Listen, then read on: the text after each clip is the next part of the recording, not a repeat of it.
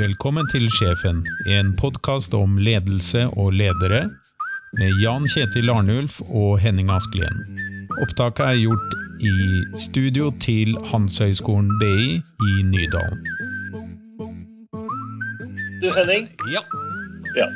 i dag så skal vi jo møte en person som du har funnet fram til over nettet, faktisk. Over LinkedIn.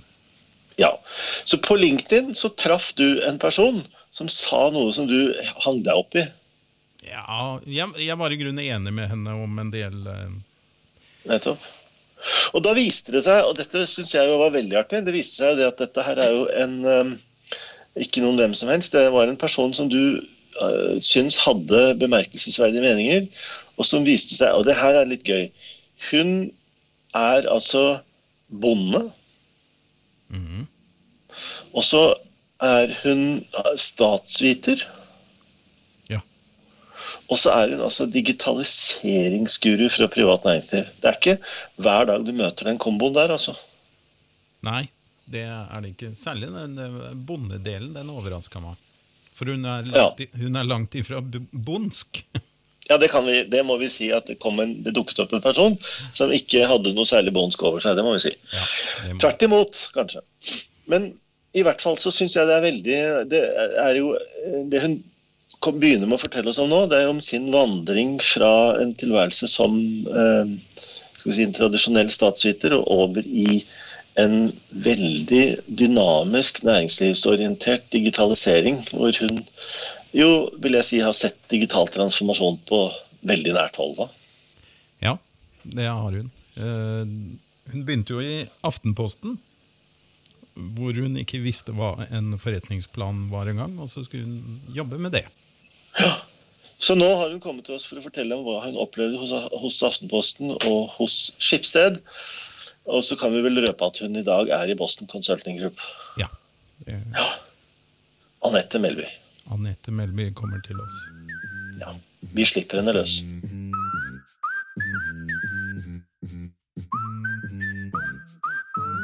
Altså jeg hadde ansvar for altså I Aftenposten Mobil så hadde jeg ansvar for alle våre sluttbrukerprodukter på, på mobile plattformer. Da.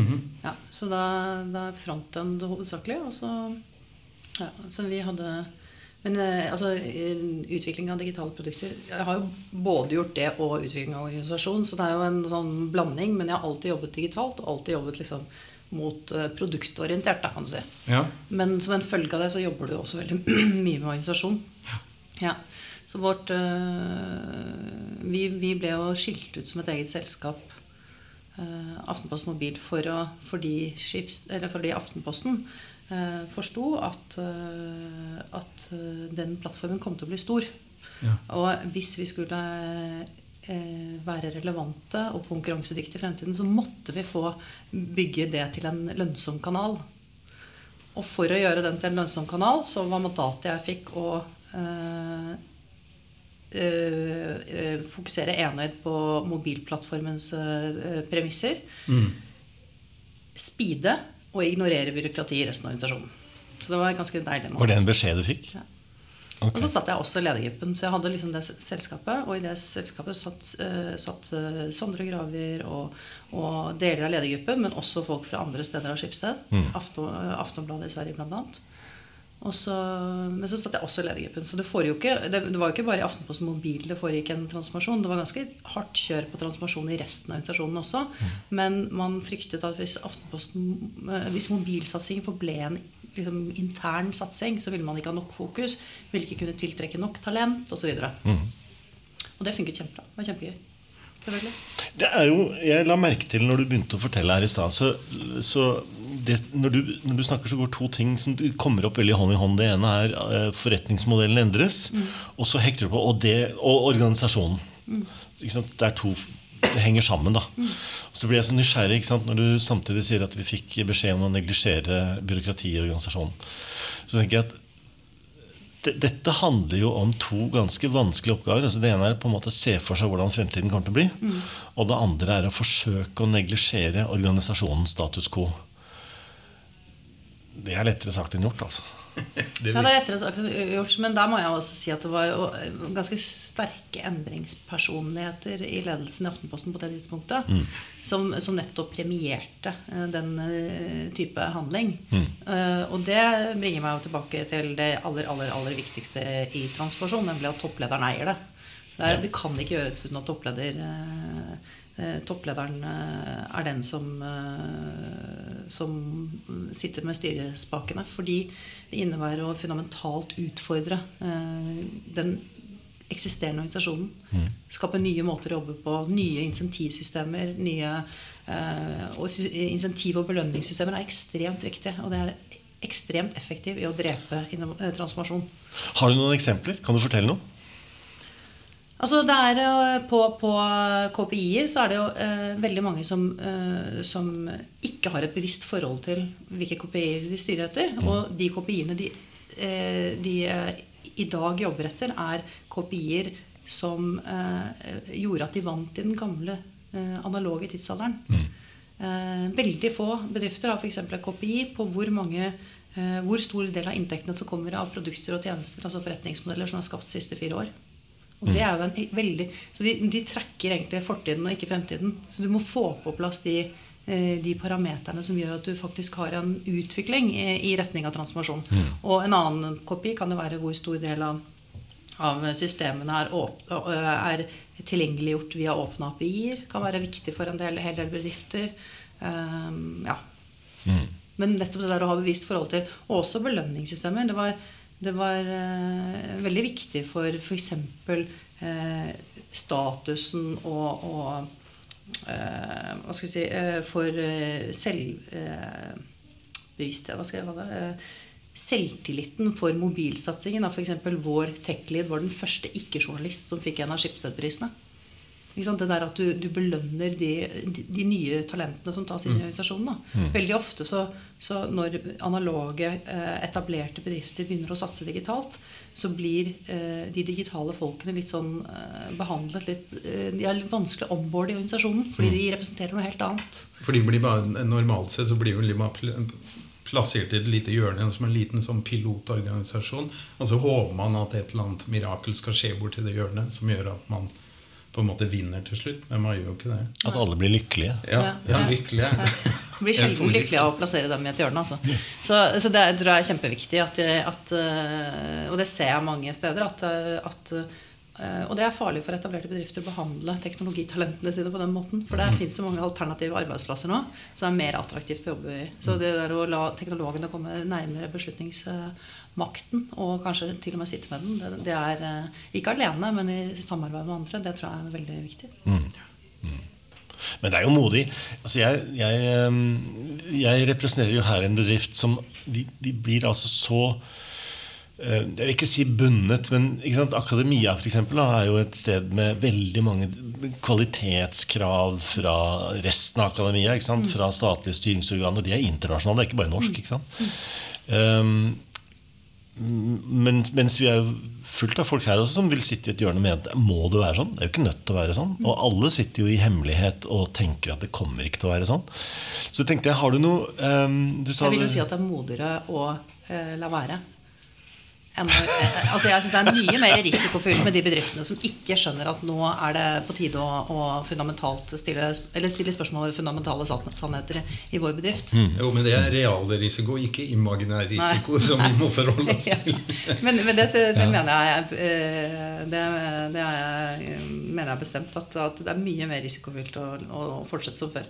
Ja. Det er nok det. Og samtidig så er det jo da ehm, Det er som du sier at veldig mye av verden er jo egentlig tilbakeskuende. Er laget tilbakeskuende. Vi ser tilbake på som du sier, KPI-er, vi ser på ting som vi tracker, da, som var nyttige før. Og så håper vi at det skal være nyttig i framtiden. Hvis du skulle se på akademia, jeg er blitt nysgjerrig på det, som jo også er en informasjonsdistribusjonsbransje. Så hva, hva du har jo åpenbart som statssitter gått mye i akademia, så du må jo ikke være helt fremmed for det. Så hva vil det være Hva tror du ryker først? Nei, altså, eh, for, for, meg så kjenner jeg at liksom, eh, akademia er Det som er faren med akademia, er at de er veldig relevante så lenge du er i en utdanningsinstitusjon. Mm. Men når du er utenfor der, så, så liksom, jeg, jeg, leser enormt mye. Men, men, den tilgangen jeg har til innhold i dag, og til forskning i dag, og til kunnskap i dag, er så enorm at uh, jeg kan bypasse, uh, lett bypasse Universitetet i Oslo, f.eks., eller BI. Mm. Uh, og det gjør jeg òg. Ja, ja. og, og, og, og, i tillegg så er det, det det faktum at læring er i fullstendig transformasjon. Det er helt opplagt at læring ikke kan skje i seks, seks år i begynnelsen av utdanningen din lenger. Når, når eh, World Economic Forum sier at 65% av de eh, som går inn i, i barneskolen i dag, de kommer til å jobbe i yrker som ikke eksisterer lenger. Så det kommer til å etableres nye yrker løpende hele tiden. Og det betyr at man må skifte mm. Eh, kompetanse gang, mange ganger i løpet av en eh, karriere. Så hvordan eh, akademia skal liksom få agiliteten som resten av næringslivet jobber med, den, eh, det, det, er jeg veldig spent på. Men, mm. men, jeg ser jo at det er en del internasjonalt som begynner å få det. Begynner, men jeg ser også at det er en del som disrupterer de etablerte utdanningsinstitusjonene. Mm. Men det er jo ikke noe, du kan ikke bruke Hvis du plukker sånne tall som disse 65% akkurat som 80% av skatteinntektene om 20 eh, år eh, blir generert av bedrifter som ikke er, finnes i dag. Mm. Det er jo det samme med disse 65 Hvordan skal man da egentlig forholde seg til det? Både de som sitter i yrkessituasjoner, sitter i jobbsituasjoner, og de som er i utdanningsløpet. For det er, det er mye frustrasjon hvis du skal ta en avgjørelse ut ifra 65% av jobbene i framtiden den vet vi ikke hva er engang. Ja, hvordan skal jeg forholde meg til det? Hvordan skal jeg planlegge? Dette er jo et problem med denne digitaliseringen. At mange mange blir mer eller mindre forvirra av, av, alle begrepene som eh, suser rundt. Mm. Og så har vi noen knagger vi ikke har hengende på. Selvkjørende biler og kunstig intelligens er stort sett det som folk drar fram. Og, og, her blir jo akkurat det at media, Aftenposten og andre mediebedrifter har jo vært tidlig ute fordi at det er lett. Det er lett å digitalisere informasjon. For det er faktisk veldig digitalt fra før av. Mens det er mye annet som ikke er så lett å digitalisere. F.eks. selvkjørende biler er ikke så lett. Du visste at det var ikke så lett som de trodde? Nei. Nei. nei, det er ikke så lett som de trodde. Men samtidig så er det det, det altså Innen transport så er det vil jeg jo si transportnæringen er veldig veldig dyktige til å ta grep. De sitter ikke på Det er andre bransjer jeg er mye mer bekymret for enn transportbransjen. Ja, men Transportbransjen er jo egentlig logistikk. Det er jo de som har tatt grepet. Transportbransjen er revolusjonert av digitalisering i selve logistikken deres. Ikke i transporten som sådan. Vi har fortsatt én mann som kjører én budbil. ikke sant? Ja, men, men, hvis du ser på hvordan selskapene innen transportbransjen og bil, bilselskapene osv. jobber, og hvilken sterk bevissthet de har rundt at de sitter på en, en, en, en forretningsmodell som er stagnerende, så, så syns jeg de, de, har raskt tatt veldig uh, store grep. Da. Ja, og du ser jo hvordan alle disse ja. selskapene nå har kjøpt seg opp i nye, nye mm, startups osv. Ja, og de kjøper jo digitale løsninger for å forenkle logistikken sin, altså få orden på kjøringene sine. Ja, og for å, for å, for å få nye forretningsmodeller, som ja. abonnement osv. Så, ja, ja, ja. så jeg syns uh, transport faktisk er, uh, er, både ekstremt spennende, fordi det griper inn i så utrolig mange andre, uh, andre bransjer. Mm. Så når først transport blir elektrisk, så selvkjørende, og så delt, så kommer jo antall biler til å reduseres dramatisk. Og det påvirker veldig veldig mange bransjer. Det jo, men, men, det er kanskje lettere å se for seg endringene i transport enn å se for endringene i, andre bransjer. Ja, men skulle, jeg vil jo tro at det skulle vært lettere å digitalisere denne bedriften av BI. Fordi at det er informasjon. Ja, det er, er informasjonsformidling. Men, ja, det, er, det, det kombinert med at det er Eh, ekstremt kunnskapstungt. Og eh, med det også læringsinstitusjoner er veldig vanskelig å transformere. De er kanskje noen av de tregeste å transformere alle. Mm. Og, det, det, og, det, er ekstremt dyktige folk som sitter der, og som forvalter ekstremt viktig kompetanse. Men, men den derre eh, liksom, eh, entreprenørånden i forhold til å finne nye måter å levere læring på, den er kanskje ikke så til stede. Nei, altså det, det, har du helt sikkert rett i. Men, eh, og det burde vi nok hatt. Det, det er eh, jeg tror ikke det er egentlig Jeg tror nok entreprenørånden er litt til stede. Men det jeg pleier å si når det gjelder akademia, er at markedene våre er noe litt andre. Altså Du kan ha mange markeder her i verden. Mm. Og når det gjelder forskning, f.eks., så alle de universitetene i hele verden som er, på, er med på forskningsrace, de har et marked som egentlig ikke er så fryktelig betalingsdyktig, men likevel betaler inn mye oppmerksomhet. Og det er um, du, altså hvordan du får rangert forskningen din. Mm. Uh, og der er det nok uh, ganske mye entreprenørskap når man bare skjønner at det også er et marked. Mm. Det er jo en av de tingene som staten har strukket nesa si borti nå ved å kreve open access, f.eks. For eksempel. mm. Fordi at jo, betalingen kommer ikke fra de som ranker. Det er akadem akademikerne seg imellom og hele verden som bestemmer at, at, Harvard eller Universitetet i Oslo mm. eller BI er så og så bra. Mm. Men, um, så der, der, er det faktisk en entreprenørskapstanke, men disse markedene er veldig på en måte, også Selv i USA og, og skal vi si, åpne økonomier veldig sterkt beskyttet gjennom gamle institusjoner som mm. står og vokter på hva som er kvalitet. Mm. Det er um, jeg, jeg, tror det er ikke så åpenbart for oss hvor, hvor disrupsjonen skal se der. Mm. Det kan være disrupsjon på distribusjonen av det. Open access og hva du får tak i osv. Sånn, på måten undervisningen foregår på. Men jeg tror at det er en av de tingene vi faktisk ikke vet som mennesker. At vi skjønner ikke alltid hva, hva utdanning egentlig er. Mm. Det, det, ser vi for nå. Nå prøver vi å eksperimentere med digitale distribusjonsformer her på skolen vår. Og da ser vi at det er egentlig en, veldig, det er en materie vi egentlig ikke veit så mye om. Utdanning er et eh, det, ja, det er ikke helt rett fram. Og jeg tror jeg heller faktisk ikke for staten hva det er de vil at vi skal lage. da. Så bare påfører oss masse byråkratiske mm. regler. Ja, jeg tror, jeg tror det er helt rett. Og så tror, så tror, jeg også at endringen innenfor læring den kommer til å, å, å, drives av næringslivet. For næringslivet kommer til å trenge påfyll mye raskere enn det institusjonene kommer til å levere. Så der kommer disruptørene til å fokusere. Ja. Og så kommer det senere til å gå inn i, eh, i læringsinstitusjonene. Så kommer læringsinstitusjonene til å ta til seg det som er relevant av det disse disruptørene presenterer for næringslivet. Ja, nå var det jo sånn med Anette at hun egentlig skiller ganske sterkt mellom dingser og digital transformasjon. Ja.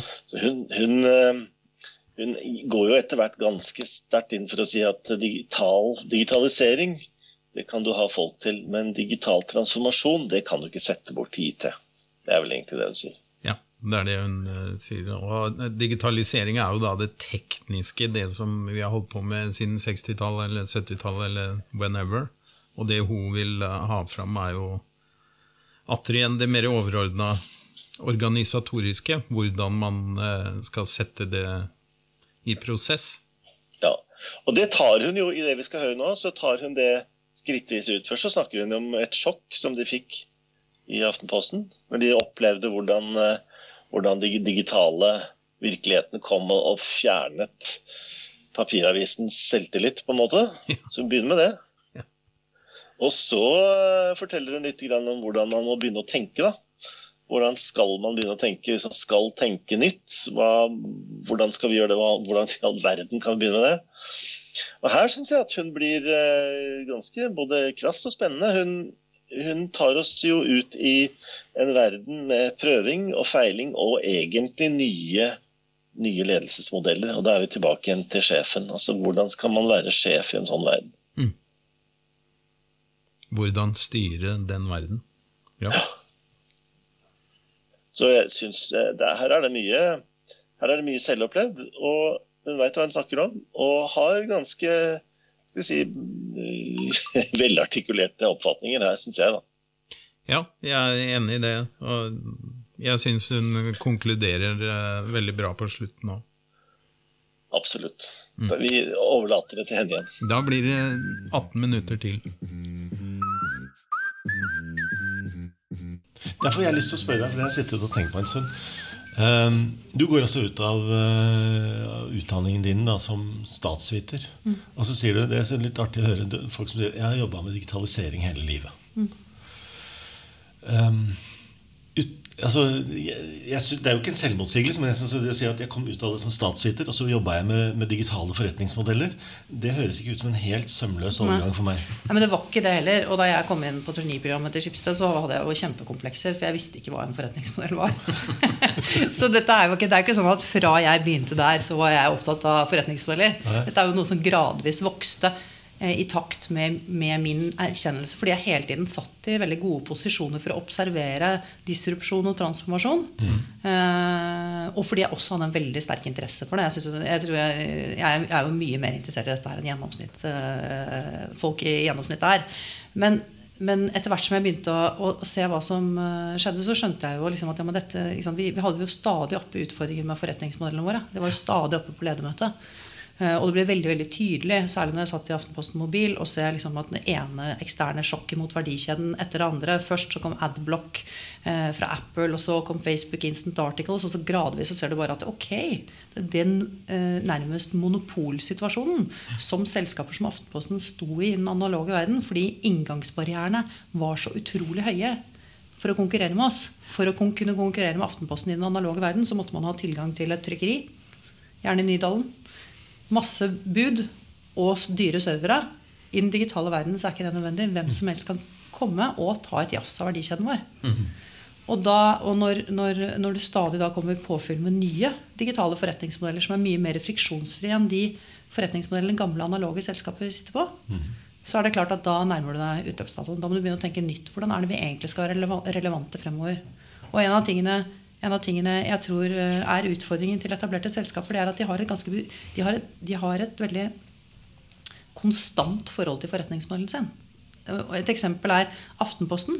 I Aftenposten så trodde vi veldig lenge at Aftenposten var en papiravis. Vår jobb er å lage verdens beste papiravis. Og vi, vi skulle et stykke ut i distribusjonen før vi skjønte at vi vi er, Aftenposten er ikke en papiravis. Aftenposten er en plattform for meningsytring, debatt og, og, og nyhetsformidling. Helt uavhengig av plattform. Og da, når du innser det, så kan du begynne å bli innovativ. For da kan du begynne, ok, Aftenposten kan være mobil, podkast, det kan være debatt på en scene. Det kan være veldig veldig mange forskjellige ting. Det kan være en konsert. det kan være, Og det, eh, den erkjennelsen eh, gjør at du Den erkjennelsen at forretningsmodellen er en variabel og ikke en konstant, den er det så utrolig viktig at selskapet får nå. Mm, mm. Eh, og så spør du meg hvorfor, hvor, hvordan jeg som statsviter endte i dette. Nei, Jeg vet ikke, altså, jeg tror jeg bare er veldig jeg, jeg, vet, jeg vet, at jeg har en sånn veldig nysgjerrig gen i meg.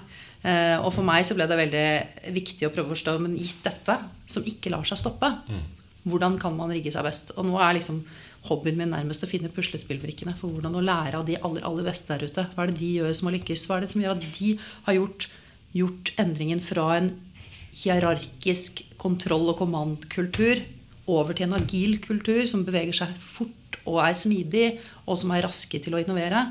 Hva har de gjort som gjorde at de kom fort fra det ene til det andre. Og Fortell oss det! Oh, ja. det, det, er jo mange altså det er jo ikke, det er jo, altså Aftenposten har gjort den reisen. Eh, og eh, Aftenposten var en organisasjon som var Um, veldig hierarkisk. altså Ikke bare var det ett hierarki, det var to hierarkier. Det var kommersiell side og redaksjonell side. Begge steder var det hierarkier. Uh, og, uh, og, man jobbet veldig, veldig lite på tvers av mm. Uh, og og, og av, det var veldig mange ting vi gjorde. Mange, over mange år så gjorde vi masse forskjellige ting. Vi fremskrev inntekter nærmeste tre årene eller fem årene. Og, så, og da tok vi høyde for nye teknologitrender og, og, øh, endringer i annonsemarkedet. Mm. Og så så vi at innen tre eller fem år jeg husker ikke om det var tre eller fem, så er Aftenposten konkurs. Eller taper vi penger. Mm. Mm. Og det var ikke noe ledergruppen satt og holdt og trykket i brystet. Det gikk man ut i hele organisasjonen og sa. Og det er også en av de tingene som skaper uh, mer agil organisasjon. At informasjon tilflytter alle. At det ikke er bare noen som sitter på toppen og vet og har kunnskap. Vi gikk fra å ha ganske sånn Ganske, eh, ganske uh, allmøter som var ganske sånn Vi snakket om alt vi hadde oppnådd, alt det flotte vi hadde oppnådd. til allmøter som var brutalt ærlige på hvordan de Eh, eh, det sto til organisasjonen. Vi eh, etablerte Aftenposten Mobil, som var en av de spydspissene i organisasjonen. I tillegg så hadde vi, hadde vi en som Espen Egil Hansen initierte, et spydspissprogram. Der alle avdelinger hadde én person som satt i denne spydspissgruppen. Og de hadde ansvar for å Eller deres mandat var å utfordre vedtatte sannheter. Og eh, teste nye digitale verktøy og spre nye digitale verktøy. Og da ikke på sånne treukerskurs med sånn Vi møtes nå. 15 minutters kurs på den nye verktøyet for uh, utforming av grafer digitalt, f.eks. Eh, og så hadde vi en, eh, et nulldesignprosjekt. Der vi gikk inn og så på eh, Hvis vi skulle laget Aftenposten i dag, hvordan hadde Aftenposten sett ut da? Og det er jo en ganske krevende øvelse, for det, det, du kommer jo aldri dit at du kan bygge alt på nytt igjen. Men det er en ganske god korreks på liksom omtrent Ok, vi må tenke litt annerledes. hvert fall. En av de tingene som slår meg når du snakker om dette, her er jo at du, du må starte så tidlig at du har tid til å finne på ting som ikke funker. Ja. For, for du veit ikke det. Det, det. det som ligger innbakt i noe av det som du forteller meg nå, er egentlig, synes jeg, at det er mye lekenhet i dette. Og som med all type lekenhet så du, må du prøve ut en masse ting som ikke funker. Så hvis du har for stor panikk, og du må finne en løsning nå, da kan du ha veldig trangt med utviklingsressurser. Men hvis, du sier, hvis folk kan sitte og hvis du kan allokere folk til å si ja, min oppgave er å finne alt som ikke funker, eller altså, uh, skyte ned dårlige ideer, eller altså men det var, ikke, det var jo ikke det som var jobben deres. Jobben deres var jo noe helt annet. Ja. Men i tillegg så skulle de utfordre. det og det er utrolig viktig at poenget er at alle disse tiltakene de er ikke så store hver, hver for seg. Uh, de er spredt over tid, og de er ikke så store, men det er mange av dem. Veldig mange av dem. Ja. Og, og, og sant, veldig mange organisasjoner de har organisasjonsendringer som skjer liksom store organisasjonsendringer som skjer hvert tredje år. Mm. Det var ikke Aftenposten. Det var organisasjonsendringer hele tiden. Skudde, morfet på organisasjonen hele tiden. Mm. Og da får du endringsvilje og mindre endringsfrykt i organisasjonene også. Mm. De store prosjektene de er, de er så absolutte. Mm. Mens de små uh, organisasjonsendringene der du er transparent rundt målene og, og, hva du ønsker å teste, de er det mye lettere å Og det er veldig sunt for organisasjoner som nå egentlig som, hvor man egentlig krever at organisasjonene er mye mer tilpasningsdyktige og, og responsive enn det gamle organisasjoner er. At de skrus på hele tiden og ikke er et sånt stort prosjekt som tas opp uh, hvert tredje år. Mm. Det, det, det, er jo det som er agiliteten. At du, at du egentlig setter i gang et sånt jevnt og trutt prosjekt hvor du endrer. For, det, for en så stor organisasjon som Aftenposten sikkert var i sin tid, så var det veldig mye frykt i forbindelse med Hvis noen kom inn og sa at nå skal vi bygge om hele organisasjonen, så begynte vel veldig mange å skrive på CV-en sin, tenker jeg. Ja, ja. Hvis man hadde hatt det som ja, Så det er, det er, jo en måte å innføre digitalisering i store organisasjoner er faktisk å gjøre det i og for seg stegvis. Men du må, som det du sier, er at du må forankre det i toppledelsen. At det må eies av toppledelsen. Og det er det viktige vi gjør nå. Mm. Men du må fortsatt gjøre mange små steg. Mm. Og Det er det til forskjell for den ene gruppa du putter inn i et hjørne.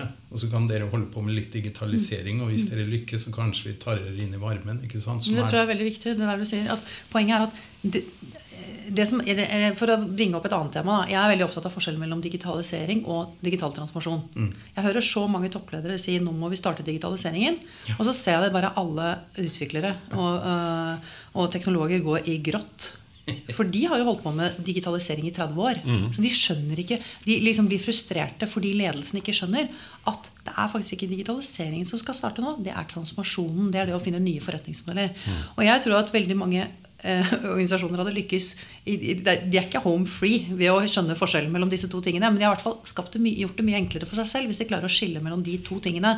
For digitalisering det kan du faktisk sender til IT-avdelingen. Transformasjon kan du ikke sende til IT-avdelingen. Det er absolutt hele organisasjonen sitt ansvar. Men dette er, jo, ja. dette er jo et kjernepunkt av forvirringen når det gjelder digitalisering. Når ordet blir brukt helt fritt vilt. Og vi prater om det som om det er noe, det er noe sånn nesten religiøst.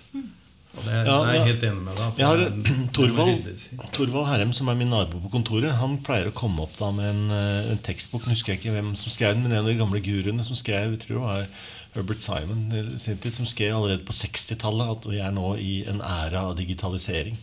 Sånn 1960-tallet. Det begynner å bli en stund siden. Mm. Ja, ja. Og, så, men det vi, det vi, faktisk står overfor, eh, tenker jeg, da, Anette, det, er, det er som du sier, at det er det er ikke i og for seg teknologien som forandrer Den forandrer seg selvfølgelig fort, men det som forandrer seg fort, og som er uventet for oss, det er at organisasjonen som vesen er noe annet. Altså Den er i ferd med å bli noe annet hele tida.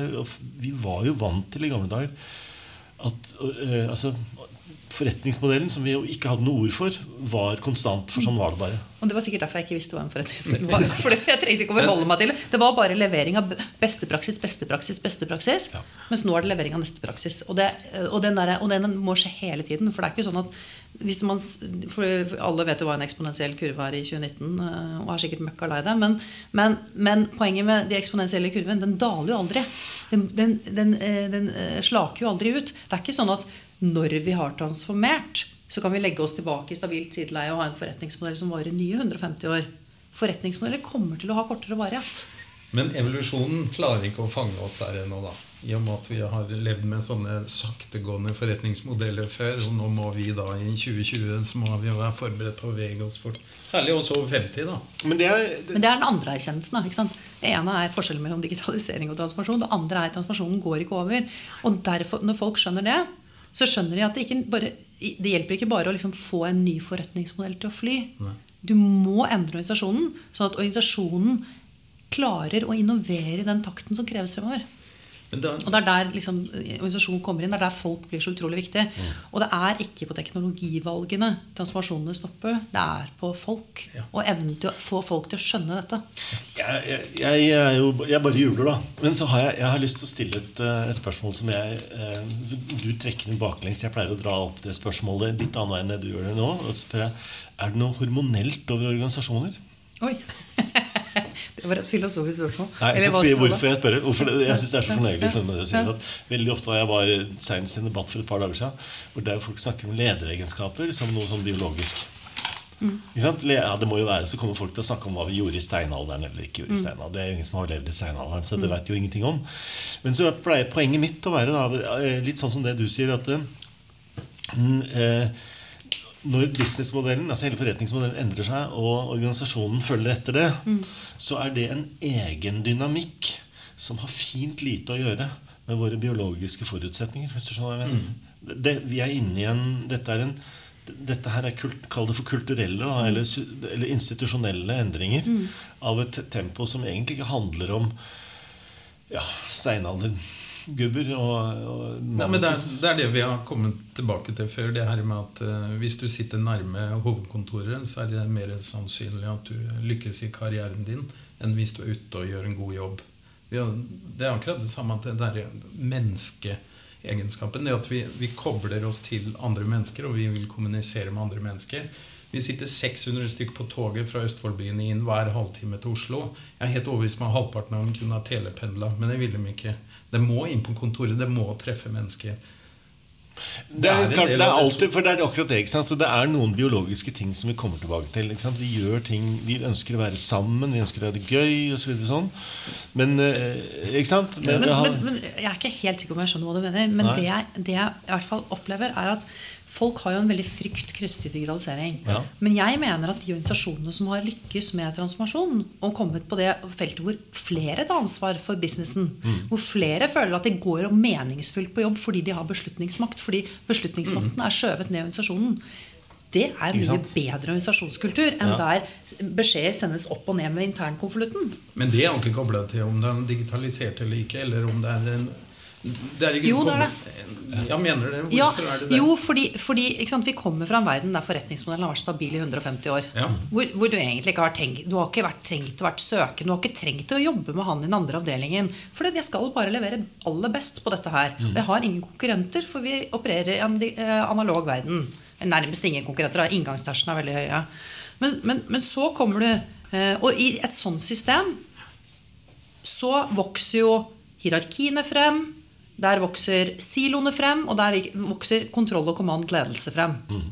Men jeg tror dette er bransjeorientert òg. Jeg tror at, eh, at i industrien så har det vært konkurranse mye lenger. I, i mer tradisjonell industri, som jeg har, har mer tilhørighet til, så har det vært mye mer konkurranse mye lenger. Og, og i småindustrien har man, har man kunnet ta ganske egalitære strukturer.